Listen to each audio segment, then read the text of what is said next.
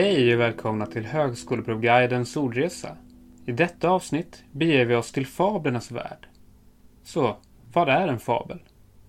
Fabel är flera saker, men i grunden är det en berättelse, en saga, en myt.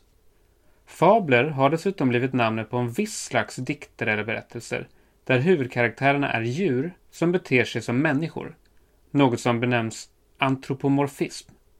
Antropos som betyder människa och morfos som betyder förvandling. Dessutom har denna typ av fabler alltid en sensmoral, det vill säga någon slags moralisk slutpoäng. Exempelvis, den som gapar efter mycket mister ofta hela stycket. Fabel kommer av fabula, som i sin tur kommer från fari, som betyder tala. Fabel betyder på latin ordagrant berättelse. Fari leder till ordet infant, som betyder barn, men ordagrant innebär någon som inte pratar. Infantil betyder barnslig. Infanteri betyder fotsoldater. Ursprunget till varför fotsoldat heter infanterist har att göra med att riddare under medeltiden red till häst, kavallerist, medan de hade med sig barn eller gossar som tjänare, som gick till fots, infanterist.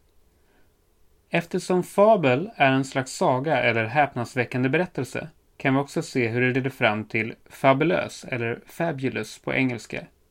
Fabulös har oftast en positiv klang, medan fabel i sig är mer tvetydig. Fabel kan alltså vara en lögn, men det kan också vara en saga. Nu en snabb repris.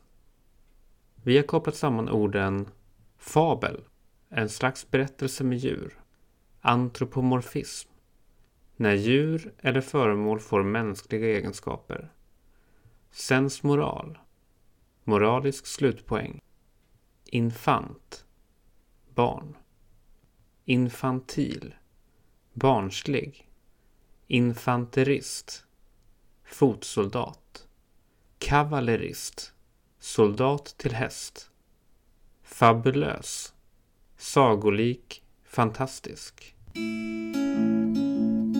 Tack så mycket för att du lyssnade.